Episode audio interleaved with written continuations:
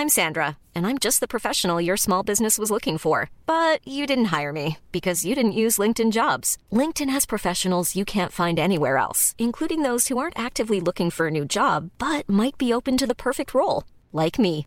In a given month, over 70% of LinkedIn users don't visit other leading job sites. So if you're not looking on LinkedIn, you'll miss out on great candidates like Sandra. Start hiring professionals like a professional. Post your free job on linkedin.com/people today. Burrow's furniture is built for the way you live. From ensuring easy assembly and disassembly to honoring highly requested new colors for their award-winning seating, they always have their customers in mind. Their modular seating is made out of durable materials to last and grow with you. And with Burrow, you always get fast, free shipping. Get up to 60% off during Burrow's Memorial Day sale at burrow.com slash ACAST. That's burrow.com slash ACAST. burrow.com slash ACAST. Everyone knows therapy is great for solving problems, but getting therapy has its own problems too, like finding the right therapist, fitting into their schedule, and of course, the cost. Well, BetterHelp can solve those problems. It's totally online and built around your schedule. It's surprisingly affordable too. Connect with a credentialed therapist by phone, video, or online chat, all from the comfort of your home. Visit betterhelp.com to learn more and save 10% on your first month. That's BetterHelp H E L P. Hej och välkomna till Teknikveckan podden och en specialare. Och detta är den sista specialaren som vi har. En sista intervjuspecial här i Teknikveckan. För sen kommer vi flytta över dem till en ny podd som vi kommer länka i beskrivningen. Så vill du fortsätta höra intelligenta människor svara på eh, mina frågor om världen så tycker jag att du ska prenumerera även på den. Med det sagt så vill jag återigen bjuda in Andreas Berg. Tack! Välfärdsforskare på Lunds universitet. Nationalekonom i grunden. Just så. Har vi fler titlar? Nej, jag tycker de räcker bra. Det var Jag är härligt inte och så ödmjukt. titelsjuk. För det är ju nämligen så att titlar kan ju ha viss relevans till det vi ska prata om. Vi är ju mitt uppe i en eh, epidemi, världsepidemi. Vissa påstår att det finns två epidemier, nämligen en eh, virusbaserad och en som rör det ekonomiska. Ja, fast de hänger ju ihop. Ja, Välfärdsforskare brukar jag säga eftersom folk tycker nationalekonom låter så tråkigt. Eh, men välfärd inbegriper ju då både ekonomi och hälsa. Eh, men jag kan ju då mer om den ekonomiska biten, vill jag väl börja med att säga. Så här är det. Epidemin har vissa direkta effekter. Och egentligen är den ju inte så farlig om man inte har riktig otur och får en riktig dos av viruset och dessutom är lite krasslig tidigare. Det har betydligt högre dödlighet än vanliga influensor. Sedan så vidtar vi ganska mycket åtgärder för att minska smittspridningen och de har i sin tur ekonomiska konsekvenser. Så ja, det man ska jämföra är de direkta effekterna med det vi gör för att slippa effekterna och sedan effekterna på ekonomin av det vi gör för att slippa effekterna av viruset. Så det är mycket som hänger ihop här. ja jag skulle, tänkte jag skulle fråga hur det står till med välfärden. Men det kändes som att vi, vi drog rakt in i det här. Nej, vi kan säga så här, det stod ganska bra till innan det här hände. Och nu är väl frågan hur långvarigt detta blir. Eh, För om det bara är eh, några månader så tror jag vi kommer att se en studs tillbaks när det gäller ganska mycket. Eh, Men om det blir långdraget eh, så kan det se eh, illa ut under lång tid. Men hur ser egentligen du sa att det såg ganska bra ut. Eh, jag tänker så här för att om man, om man läser leda, ledarsidor, man läser i Facebookgrupper och ja, till och med kanske har den där eh, vännen som har gått i den här livets hårda skola. Då kan vi ju, får vi ju reda på att eh, sjukvården i princip står och, och är totalhavererad. Det finns ju även i tidigare när man började då jämföra Sverige och Italien så var det ju många som menade på att Italien hade ju ett betydligt bättre sjukvårdssystem eh, än vad Sverige hade och därmed så kommer Sverige drabbas betydligt hårdare. Så kan vi etablera den först och, och säga var i ligger den svenska välfärden, alltså välfärdssystemen då liksom? Nej, men okej, okay du frågar om välfärden så då svarar jag väl i ett globalt perspektiv och det, det är ju ganska djärvt, men i väldigt många länder har utvecklingen gått åt rätt håll under lång tid. Eh, inklusive då eh, USA, Sverige och Italien. Sen finns det intressanta skillnader mellan de här länderna. Eh, jag tror inte alla eh, som kan någonting om sjukvård skulle hålla med om att Italien var bättre än Sverige. De är ganska glada för att eh, skriva ut antibiotika vid minsta lilla förkylning och, och det har gett dem en del ganska betydande problem med resistenta bakterier. Sen är det ett lågtillitssamhälle jämfört med Sverige, vilket gör att det finns mer korruption, mer svågerpolitik, mindre tillit till myndigheter och det är inte någon jättefördel i, i sådana här läge. Sen kan man ha för mycket tillit till myndigheter också eventuellt, va? men eh, på det hela taget så eh, skulle jag säga att det såg ganska okej okay ut eh, i Sverige och de flesta länder eh, innan detta kom. Bra att du påpekade det. För vi kommer ju hoppa här väldigt mycket mellan ett svenskt perspektiv just på grund av att vi någonstans är i Sverige, är i Sverige ja. och, och, själva är med i ett samhällskontrakt här. Men, men också upp då på en global nivå. Om vi då börjar i Sverige så man insåg ju ganska snabbt att det här skulle påverka resandet och kultur och nöje. Ja, inte bara det. Inte bara det. Nej. Det kanske var vad som låg närmast i tankarna för dig Peter. Ja, men... Kultur och nöje och resor. Alltså, om, om, vi går tillbaka tre veckor så hade vi inte den här diskussionen. Hur, hur, hur mycket kan vi förvänta oss att företag har buffertar för att överleva? Inte så mycket, men, men om, vi, om vi börjar där du började så hade du ju helt rätt. Men det jag då lite ofint påpekade var att det är mer en kultur och nöje som, som bygger på att människor ses. Du skulle till och med kunna säga att en av orsakerna till att ekonomin har utvecklats ganska bra i ett långsiktigt perspektiv är att, att eh, människor eh, har kommit nära varandra, eh, både fysiskt ehm, eh, och virtuellt. Men framförallt då fysiskt. Det fanns ju många som trodde att när internet kom så skulle vi kunna sitta ute på landet och slippa träffa varandra för att få ekonomin och samhället att fungera. Och det blev ju verkligen inte så, utan urbaniseringen har i alla länder fortsatt Eh, och gått snabbare. Så trots att vi har eh, smart teknik så verkar vi i ännu högre utsträckning vilja vara nära andra människor, bo i städer. Och, och det beror förmodligen på att shoppingappar, datingappar, sociala nätverk är roliga att ha, men de är ännu roligare att ha om du ganska snabbt kan träffa de här människorna fysiskt också.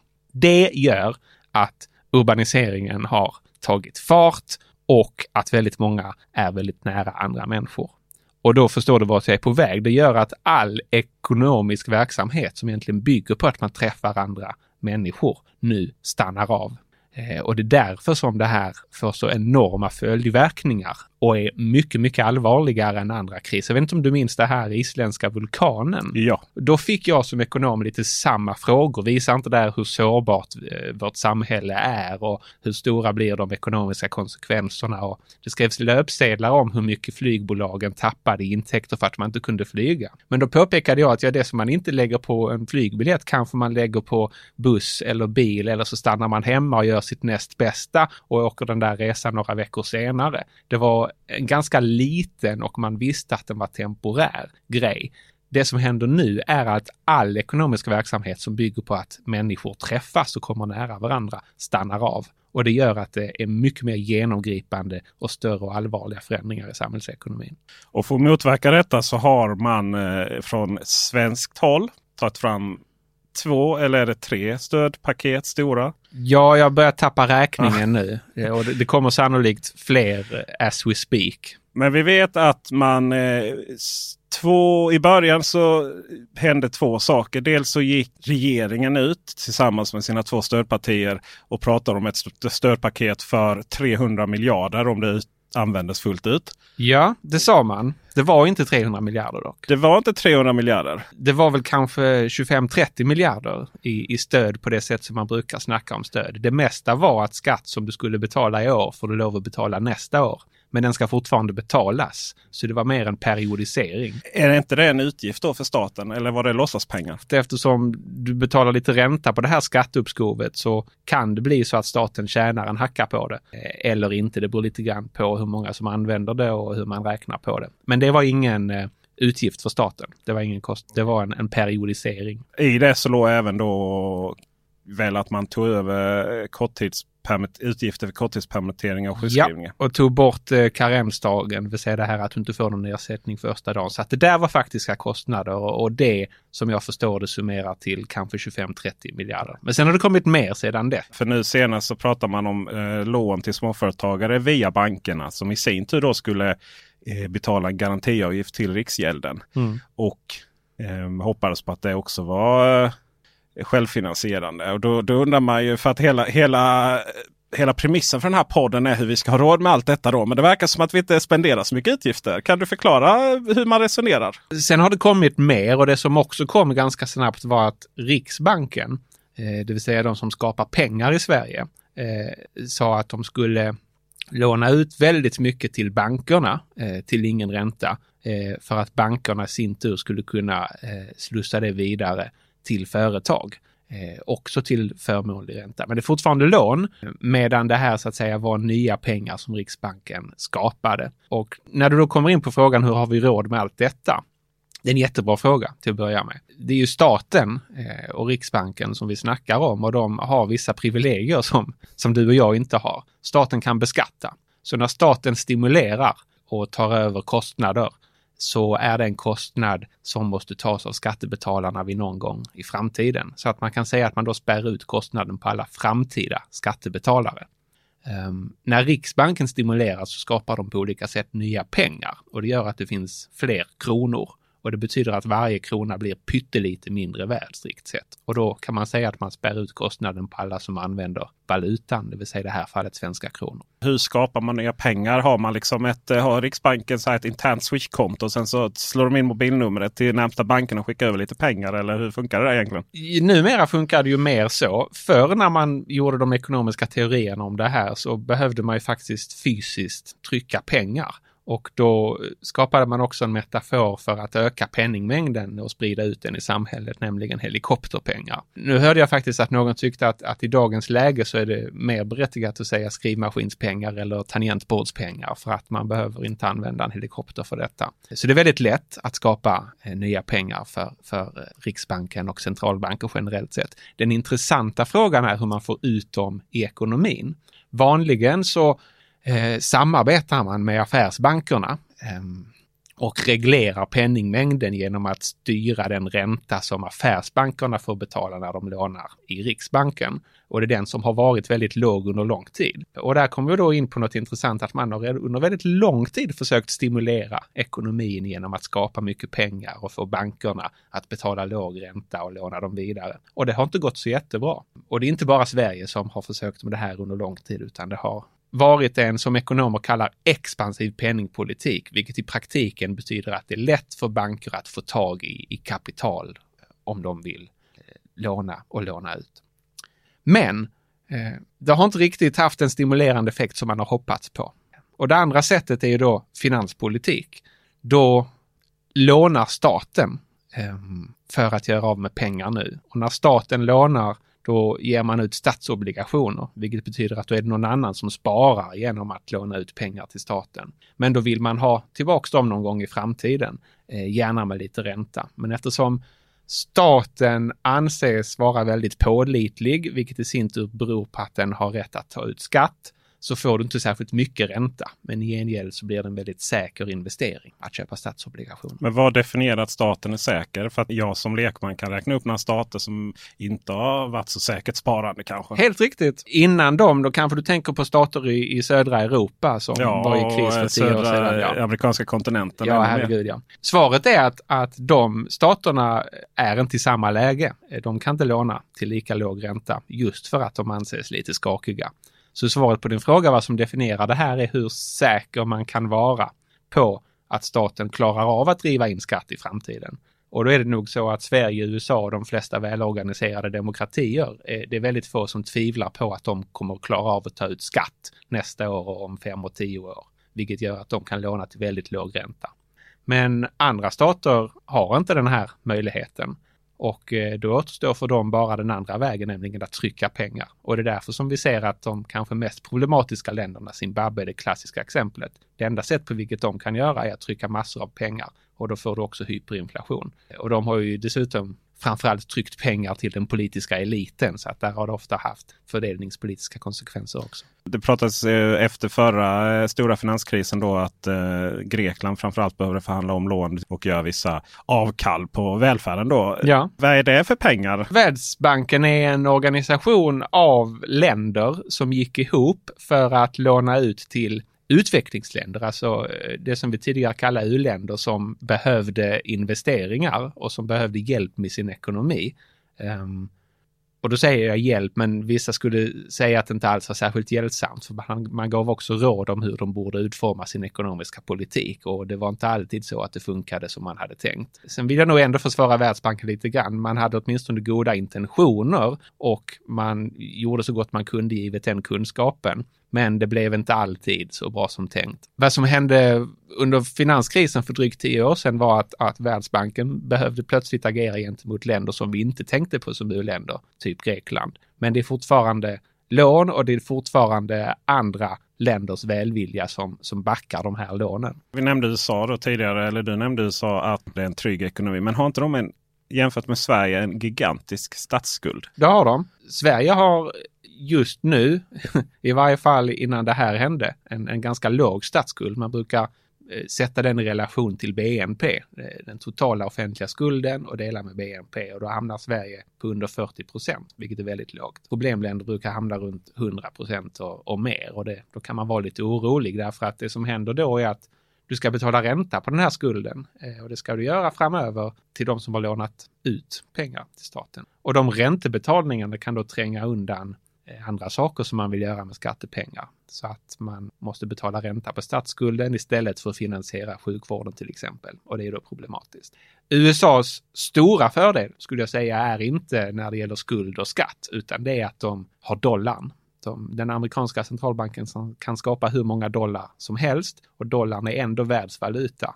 Eh, lite grann i kraft av att många andra länder har haft eller har centralbanker som är mycket, mycket värre än de västerländska centralbankerna. Och det gör att man inte vill använda den lokala valutan och då använder man väldigt ofta dollarn istället. Och det gör att det alltid finns en efterfrågan på dollar och, och det sätter någon slags undre gräns för hur lågt den kan sjunka. Och det i sin tur gör att den amerikanska centralbanken kan trycka ganska mycket pengar utan att den faller drastiskt i värde. Är det det man nu gör när man faktiskt ska skicka upp massa helikoptrar och ge pengar till var och varenda amerikansk medborgare för ett åtgärdspaket som var uppe i hur mycket var det uppe i? Beloppmässigt? Ja, det var sådana fantasisummor. ja, fantasisummor. Det var både penningpolitik, eh, som är att man skapar dollar, och finanspolitik, som, som ju då handlade om att skicka checkar till vuxna och barn, eh, i princip alla.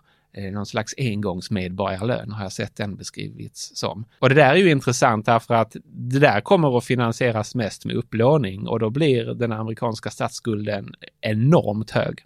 Vad är den i procent då? Jag vet faktiskt inte. Jag tror den då kommer hamna upp mot 200 procent. Är det korrekt uppfattat att vår statsbudget och utgifter är på ungefär eh, tusen miljarder kronor. Ja, 1100 tror jag. 1100. Mm. Är vården inräknad det eller går det på sin egen budget på regionerna? Vården ligger på regionerna och, och eh, äldreomsorg och annat. Väldigt mycket välfärd ligger. Så de här svensk vård 274 miljarderna de är utöver då eh, statens utgifter. Det ska också sägas att vi har diskuterat rätt mycket snabbtåg. Där har vi ungefär 200 till 360 miljarder utgifter. Mm. Givet då att, att, att vissa av de här sakerna är, är självfinansierade och det handlar, handlar inte om, om, om så många miljarder. Så ena stunden det verkar vara så lätt att producera fram pengar till kreti och pleti och eh, ursäkta alla företagare. och, och nästa stund så, så, så är det sån politisk kaos. Ja, plötsligt finns det pengar ja. nästan hur mycket som helst. Och det är ju intressant när vi har sparat och gnetat i, i välfärden i, i 20-30 år. Och det är en berättigad fråga. Men det finns ändå skillnader. Orsaken till att man har varit försiktig med att ge mycket pengar till den löpande verksamheten är just att det är löpande verksamhet. Alltså, växer du den offentliga sektorn så blir den ju varaktigt större och kräver högre skatter eh, och högre utgifter och mer personal varje år. Sen tycker jag kanske att man ändå borde göra det och jag tror att man kommer att göra det, att man skulle gjort det även utan coronakrisen av det skäl att vi ganska exakt nu faktiskt går in i den fas då vi har ganska många äldre Eh, som inte längre är superfriska. Vi talar om de rätt så stora kullarna födda på 40-talet och de kommer att vara dyra och lite krassligare under 2020 och 2030-talet och sen Sen kommer de av lätt insedda skäl inte längre att vara med oss. Men det är ändå en, en, ganska lång period då, då vi behöver lägga mer på äldreomsorg och sjukvård. Skälet till att det finns väldigt mycket pengar just nu är att man uppfattar det, att det här är en engångsgrej. Poängen med, med stabiliseringspolitik är just att det är helt okej okay att skuldsätta sig eller att trycka nya pengar för att jämna ut kortsiktiga fluktuationer. Och även om det här är en större chock än en liten fluktuation så hoppas vi ju att det är en temporär kris. Ett halvår, ett år, kanske två, men förhoppningsvis inte mer. Eh, och det betyder att man kan ta sig ganska stora friheter när det gäller både finanspolitik och penningpolitik. Det jag sa nu gäller så att säga bara mängden. Sen är fortfarande frågan, vem ska få de här pengarna och hur ska de ut i ekonomin? Och där tycker jag att vi borde diskutera mycket mer varför man alltid går via affärsbankerna, alltså Riksbanken lånar ut pengar till affärsbankerna och hoppas att de ska låna ut det till företag. Det har ju funnits indikationer att de inte har varit så jätteintresserade av att låna ut pengar till företag som håller på att kursa. Liksom. Självklart, därför att de gör ju en affärsmässig bedömning vid varje lånetillfälle och vill undvika kreditförluster och, eh, och så. Så att det finns gott om hål där bankerna kan stoppa de pengarna och det har vi faktiskt sett under lång tid att den här väldigt generösa penningpolitiken inte riktigt har funkat. Och det finns ju vissa eh, ekonomiska skolor som menar att det är egentligen omöjligt att stimulera ekonomin genom att trycka pengar, för pengar i sig är värdelösa, de kan du inte äta. Utan det är bara ett sätt att fördela köpkraft, så att säga Eh, låta vissa ha lite mer pengar än andra. Även när det gäller temporära lån så måste ju någon avgöra eh, vilka företag som ska få de här lånen och hur mycket de ska få. Och jag läste eh, i The Economist att, att president Macron i Frankrike sa, vilket lät väldigt, väldigt drastiskt, att de, han ska inte tillåta något endaste företag att gå i konkurs på grund av detta. Vilket är ett väldigt konstigt uttalande. Jag hoppas nästan att han inte menar allvar därför att under vanliga tider så går företag i konkurs hela tiden. Och det vore konstigt att just nu ha målet att få ner det där till noll. Jag tror snarare vi måste vänja oss vid tanken att företag kommer att kursa och lite fler än vanligt kommer att kursa. Därför att det är så ekonomin alltid har förnyat sig. En rörelse som inte riktigt går så bra som man hoppas men man gnetar ändå på. Det är ofta en kris som får ägarna att tänka om att nej, nu gick det åt skogen och även om ekonomin vänder så kommer jag inte att starta upp just det här igen. Det är så strukturen förändras. Och så var det under finanskrisen och så var det under 90-talskrisen och så var det på 70-talet med oljeprischocker. Det är de här kriserna som förnyar, det gör att vi tar oss bort från industrisamhälle in i tjänstesamhälle, bort från olja över till, till el till exempel. Och någonting sådant måste få hända även den här gången. Imagine the softest sheets you've ever felt. Now imagine them getting even softer over time. That's what you'll feel with Bowl and Branch's organic cotton sheets. In a recent customer survey, 96% replied that Bowl and Branch sheets get softer with every wash. Start getting your best night's sleep in these sheets that get softer and softer for years to come. Try their sheets with a 30-night guarantee. Plus, get 15% off your first order at bowlandbranch.com. Code BUTTERY. Exclusions apply. See site for details. Hiring for your small business? If you're not looking for professionals on LinkedIn, you're looking in the wrong place. That's like looking for your car keys in a fish tank. LinkedIn helps you hire professionals you can't find anywhere else, even those who aren't actively searching for a new job but might be open to the perfect role. In a given month, over 70% of LinkedIn users don't even visit other leading job sites. So start looking in the right place. With LinkedIn, you can hire professionals like a professional. Post your free job on linkedin.com slash people today. Everyone knows therapy is great for solving problems, but getting therapy has its own problems too, like finding the right therapist, fitting into their schedule, and of course, the cost. Well, BetterHelp can solve those problems. It's totally online and built around your schedule. It's surprisingly affordable too. Connect with a credentialed therapist by phone, video, or online chat, all from the comfort of your home. Visit betterhelp.com to learn more and save 10% on your first month. That's BetterHelp H E L P. Burrow's furniture is built for the way you live. From ensuring easy assembly and disassembly to honoring highly requested new colors for their award winning seating, they always have their customers in mind. Their modular seating is made out of durable materials to last and grow with you. And with Burrow, you always get fast, free shipping. Get up to 60% off during Burrow's Memorial Day sale at burrow.com slash ACAST. That's burrow.com slash ACAST. burrow.com slash ACAST. Wow. Nice. Yeah. What you're hearing are the sounds of people everywhere putting on Bombas socks, underwear, and t-shirts made from absurdly soft materials that feel like plush clouds.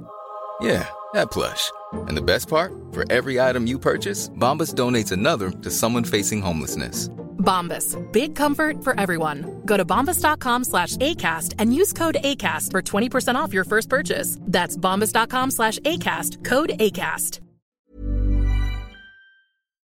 Vem har kompetens att bedöma detta? Har, har, du fått några samtal? Vi känner ju, det här låter ju lite hemskt, men vi, vi känner ju, vi har ju växt upp med vissa individer i, i alla fall stödpartierna. Mm. Som står där och, och nu med kostym och, och levererar svar efter svar liksom. Ja jäklar, de väntade sig nog inte detta. Nej, det kan man väl lugnt säga. När vi satt där och drack vin och pratade om livet i Lund. Liksom. Vad du alluderar till Peter är att vi båda har ett förflutet i Liberala ungdomsförbundet.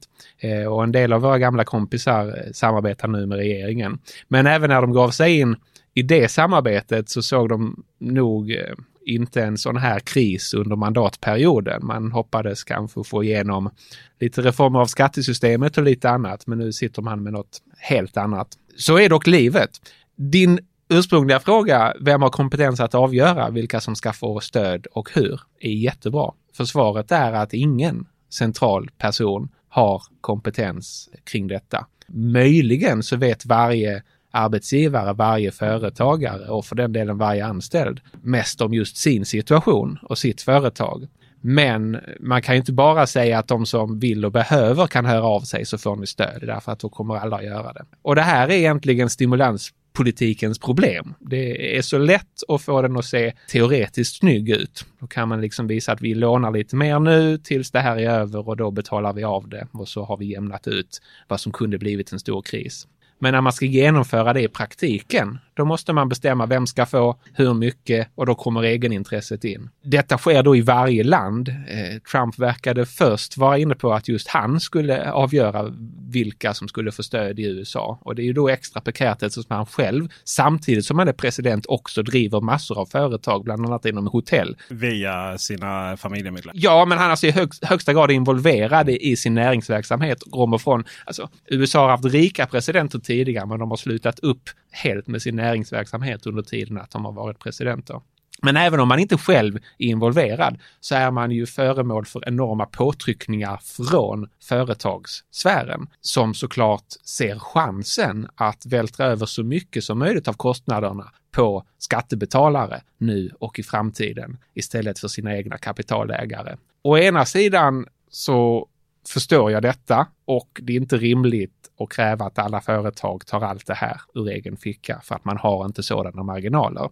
Men det är också inte rimligt att säga att skattebetalarna ska ta hela smällen. För då är vi i en situation där företagen går med vinst och tar vinsten i goda tider men låter skattebetalare ta hela smällen när det går dåligt. Då har man glömt bort hur det kapitalistiska kontraktet ser ut i grunden. Alltså hela poängen med, med, med företag och arbetskraft är att arbetskraften får lön oavsett om företaget går bra eller dåligt. Och kapitalägaren riskerar en förlust om det går åt skogen men får en gengäld ta vinst om det går bra. Och det är så sätt man kan både förklara och försvara eh, kapitalvinster och löneinkomster. Om vi nu ändrar det här till att det var helt okej okay att gå med vinst så länge vi gick med vinst. Men nu när det kommer en kris så ska skattebetalarna ta hela smällen. Då kan man dels ha moraliska invändningar mot det, men det, det har också långsiktiga konsekvenser. Varför har vi då kapitalism och inte socialism fullständigt? Och vissa befarar och andra vädrar morgonluft just för att då, då kanske vi ska socialisera mycket mer i framtiden.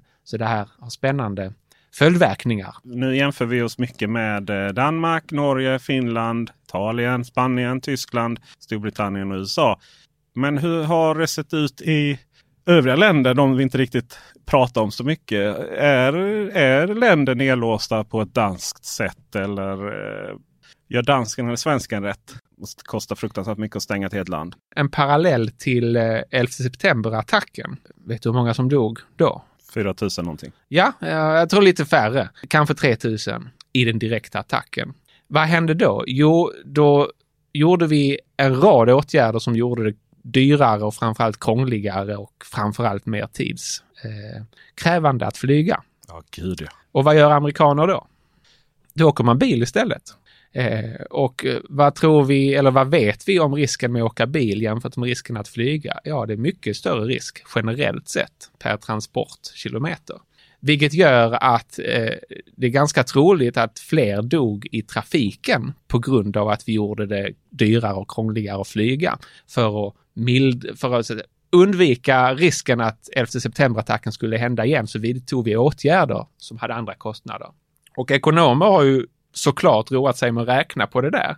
Eh, och även om det är väldigt svårt eh, så kan man nog räkna med att kanske lika många som dog direkt i attacken, ungefär 3000, dog i ett ökat antal bilolyckor efter attacken när folk väljer att åka bil och buss istället för att flyga. Vad exemplet visar är att, att du har ett hot, men du vidtar också åtgärder mot hoten som har kostnader och du måste beakta de här kostnaderna också. Och de kan vara väl så stora som det direkta hotet. Och det som händer nu är som vi var inne på i början, att man vidtar åtgärder för att minska smittspridningen som har som bieffekt att ekonomin helt stängs ner. Och huruvida det är motiverat eller inte beror ju på hur illa det skulle blivit om vi hade fortsatt träffas. Och det är ingen som riktigt vet. Så det enda vi kan konstatera är att på grund av åtgärderna för att mildra och fördröja smittspridningen så har den ekonomiska nedgången blivit oerhört mycket större än vad den skulle blivit annars. Sen kanske det ändå är motiverat. Det är svårt för någon att veta. Vi får ta hit en etikforskare kanske. Tycker en jättebra idé. Eh, så slipper jag svara på de frågorna. Sedan har vi ju frågan om åtgärderna fungerar när man vidtar dem. Och där kommer Tegnell in med ett, skulle jag faktiskt vilja säga, ganska klokt resonemang. Nämligen att om du gör väldigt starka regler så kommer vissa att bryta mot reglerna. Medan Sverige då kör en annan strategi. Man, man kommer med råd och rekommendationer och, och ber folk tänka över om de verkligen måste hälsa på sina föräldrar eller åka på skidresor. Men det är inte förbjudet. Eh, och det där är en ganska spännande strategi för att man överlåter åt var och en att fundera på för och nackdelar. Och då är ju människor så funtade att vissa är väldigt nervöst lagda och andra är lite mer resonerande och vissa är väldigt, väldigt oförsiktiga. Och då får man väldigt många olika typer av beteende, vilket verkar vara det som Sverige satsar på nu, att vi ska ha en långsam eh, men ändå pågående smittspridning så att vi undviker att få väldigt många sjuka vid samma tillfälle, men så småningom förhoppningsvis utvecklar immunitet mot det här viruset. Andra länder går generellt sett hårdare fram, men det är inte säkert att, att, att det fungerar. På tal om andra länder och kärnfrågan i hela den här diskussionen. Om nu alla går in med åtgärdspaket på olika sätt och vis. Mm. Alla blir drabbade också av det här. Vem är det som köper de här statsobligationerna som i sin tur finansierar de här krispaketen? Flera har redan köpt dem, nämligen pensionsfonderna. Och pensionsfonderna har pengar och fortsätter köpa. Så att väldigt många är indirekt med och finansierar det där eh, via sitt pensionssparande. Eh, oavsett om man gör det själv eller om man bara eh, i Sverige då låter staten fixa det där via AP-fonderna, de allmänna pensionsfonderna.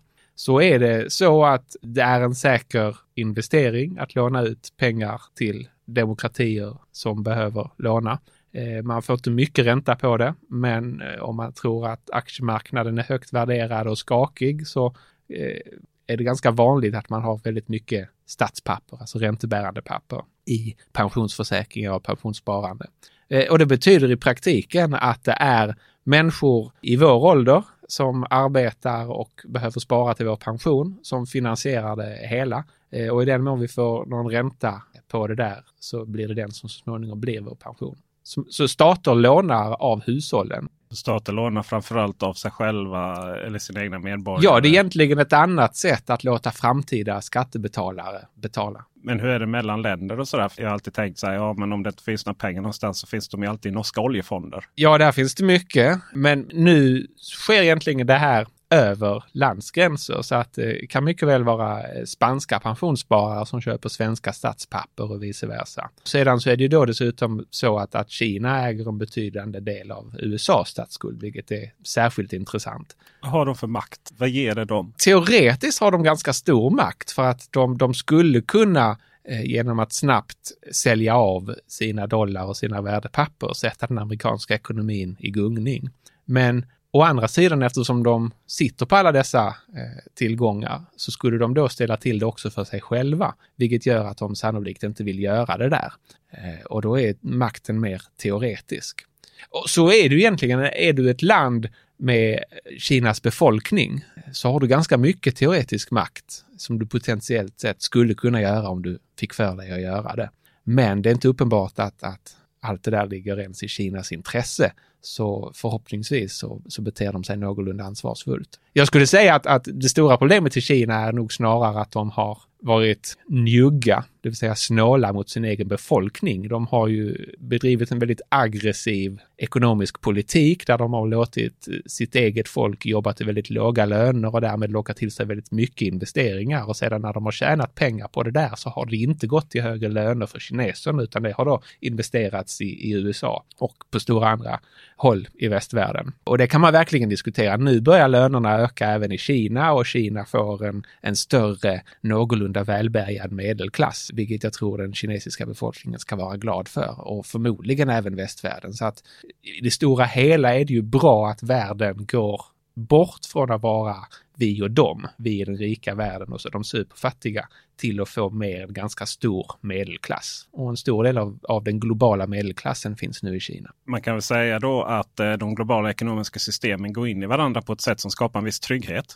Ja. Men samtidigt så jag tänker så här eh, om vi till exempel beskriver Trump som, eh, ska vi använda ordet lynnig? Det tycker jag minst att man kan göra. Vad skulle hända om, om till exempel ett land som Kina helt plötsligt fick en, en person vars kanske eh, allt intresse går till den egna jaget så som, som den amerikanska presidenten. Nej, det, det går inte att förutspå och det är väl också det som är grejen med de här ledarna, att de modeller vi har för att förutspå politik eh, bygger på någon form av rationalitetsantagande. Alltså man, man, man kan resonera kring hur ett parti kommer att agera givet att det vill maximera antalet röster och, och därför kommer att föra en viss politik i en viss situation. Men eh, om man inte agerar i grunden rationellt så blir man omöjlig att förutspå även med de modellerna. Paradoxalt nog kan det ju faktiskt förklara varför Trump har lyckats över förväntan får man väl ändå säga när det gäller att ha med andra galningar i världen att göra. Inte bara Kina utan även Nordkorea eh, och så vidare. Där tidigare kanske mer rationella demokratiskt valda ledare inte har lyckats, eh, verkar Trump kunna kommunicera på, på ett annat sätt. Men det gör det också extremt svårt att säga vad som kommer att hända härnäst. Så nedsidan när det gäller global politik har ju, har ju blivit betydligt obehagligare på kort sikt. En sista fråga. Hur länge kan man sitta och låna pengar av pensionsfonder världen runt för att skapa åtgärdspaket? Hur länge kan man hålla på så? Hur högt kan statsskuld gå för även demokratiska länder? Så länge förtroendet om framtiden finns så kan det ju bevisligen gå väldigt långt. Eh, och när det inte finns så, så, så ser vi problem redan idag.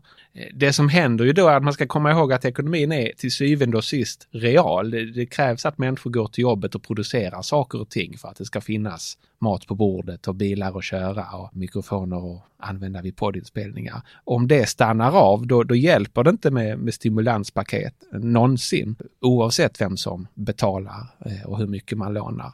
Eh, så det grundläggande problemet här är alltid realt och i det här fallet så är det smittspridningen. Vi tackar för det Andreas Berg. Tack, det var roligt!